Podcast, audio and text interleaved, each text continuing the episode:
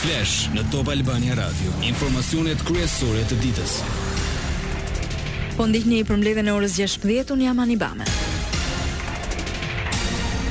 Arrestohet Milan Radoiçiç. Ministria e Punëve të Brendshme e Serbisë ka bërë të ditur se ish-kreu i Listës Serbe është prangosur pak më parë dhe se i është caktuar masa e ndalimit deri në 48 orë. Më 3 tetor, zyrtarët policorë të Drejtorisë së Policisë Kriminale në Beograd bastisën banesën dhe lokalet e tjera të Milan Radoiçiç, i cili është arrestuar, thuhet në njoftimin e Ministrisë së Brendshme serbe.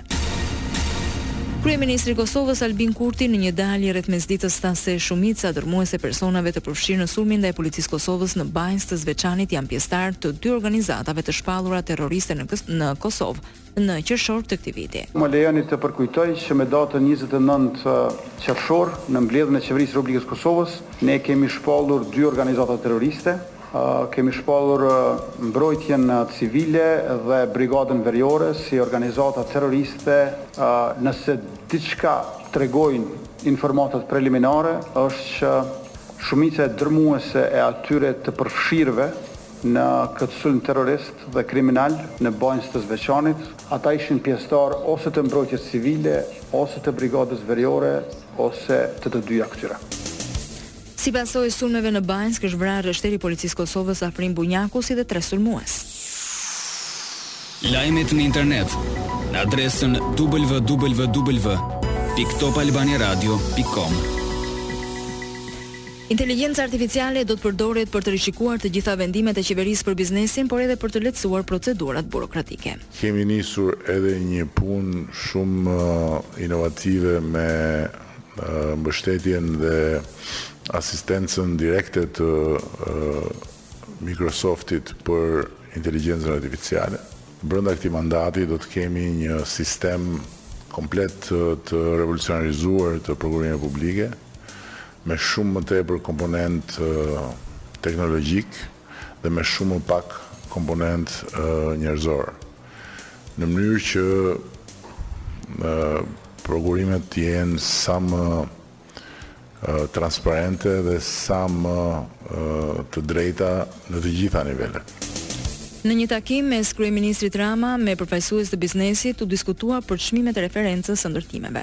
E po që ju të shisni Apartamente me dy mijë, tre mijë, katër mijë, pesë mijë, gjashtë mijë, të shisni hapësira biznesi me shtatë mijë, me tetë mijë euro dhe të deklaroni atje çmime që janë larg të vërtetës, kjo nuk mund të vazhdojë. Dhe çmimet e referencës nuk janë vënë në mënyrë arbitrare, janë vënë mbi bazën e tregut. Taksa tre për qind e ndërtimeve ishte një tjetër motiv për debate. Dhe ky është një diskutim që e kam bërë në Bashkinë e Tiranës. Ju duhet t'i jepni ato tre për qind aty ku ndërtoni. Në këndvështrimin tim. Jo, ndërto ti këtu edhe ma jep tre përqindshin në fund botës. Se ca njerëz do jetojnë në qendër dhe janë ca tjerë që i ka pjellë lopa që do rrinë në fund botës që të kenë afër delet. Kjo, kjo nuk është e drejtë. Dhe ne do ta shikojmë dhe këtë, që tre përqindshi të jepet aty ku ju ndërtoni. Ndërkaq Rama tha se vitin tjetër do vendosen referenca edhe për hotelet. Edhe hotelet duhet të pregatiten që vitin e ardhshëm do kenë referencë, patjetër. Gjithë hotelet do kenë një çmim reference dhe unë dua kaq. Pastaj të tjerat merri t'i gëzosh, po kaq ti do t'i japësh shtetit. Se nuk ka mundësi.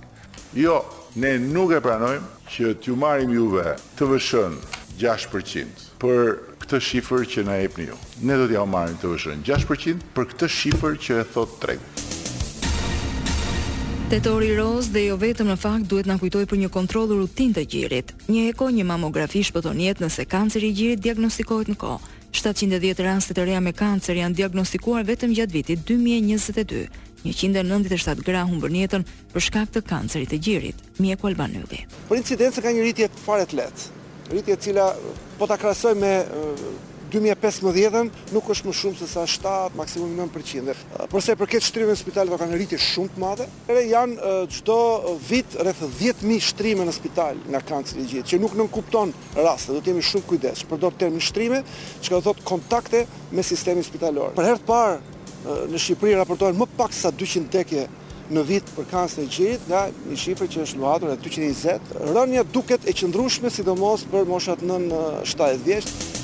Por, çfarë duhet të bëjë një grua për një kontroll, eko të gjirit apo mamografi? Që mamografia është teknika më e mirë për depistimin e kancerit, çka do të thotë gratë e shëndetshme këshillohen në një moshë të caktuar, ne rekomandojmë mbi pesëdhjetë vjeç të shkojmë një herë në dy vjet dhe të bëjmë mamografi.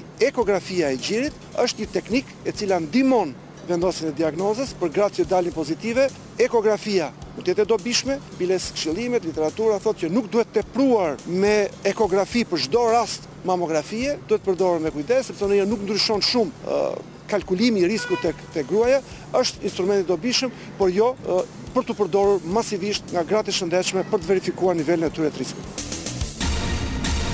GKKO-ja ka pranuar kërkesën e SPAK për të thirrur si dëshmitar për herë të parë Shkëlzen Berishën, ndërkohë që refuzoi të thërrasë dëshmitarët e kërkuar nga familjet e viktimave të Gërdecit që janë pjesë e procesit gjyqësor. Gjykata e Posaçme pranoi listën prej shtatëdhjetë e një dëshmitarëve që SPAK kërkon që të dëshmojnë në gjykatë, ndërsa nga lista prej nëntëdhjetë dëshmitarësh që kërkoi pala mbrojtëse e Fatmir Mediut, gjykata hodhi poshtë thirrjen si dëshmitarë të personaliteteve të huaja. Edhe pse viti akademik ka nisur dje, nga nesër kthehen sërish regjistrimet e lira në universitete. Kjo është një mundësi për të gjithë ata të rinj që kanë mbetur jashtë. Në këtë fazë së lirë do aplikojnë rreth tre mijë maturantë. Në të gjithë vendin janë mijëra vende bosh dhe degë që rrezikojnë të mbyllen. Lajme nga bota. Autoritetet irlandeze janë duke u përgatitur dhe paralajmërojnë për një valë vrasjesh dhe një kasaphanë mes karteleve të drogës pas kapjes së sasisë më të madhe në historinë e vendit të kokainës me vlerë 430 milionë sterlina. Karteli vrastar kolumbian Gulf Clan, një konsorcium kriminal evropian i drejtuar nga shqiptarë dhe karteli irlandez Kinahan mendohet sipas hetuesve se janë grupet kryesore kriminale pas kësaj dërgese të kapur nga forcat speciale në një anije transporti. Ishte informacioni i dhënë nga DEA amerikane që çoi në kapjen e ngarkesës së drogës pas ndërhyrjes dhe një operacioni mjaft të madh të forcave speciale në det në bordin e anijes Matthew e nisur nga Venezuela në 18 gusht, e cila pasi kaloi Atlantikun qëndroi një javë në ishujt Kanaria përballë Afrikës dhe më pas vazhdoi udhëtimin pa qëndruar në Spanjë dhe Francë për t'u ndalur në afërsi të Irlandës.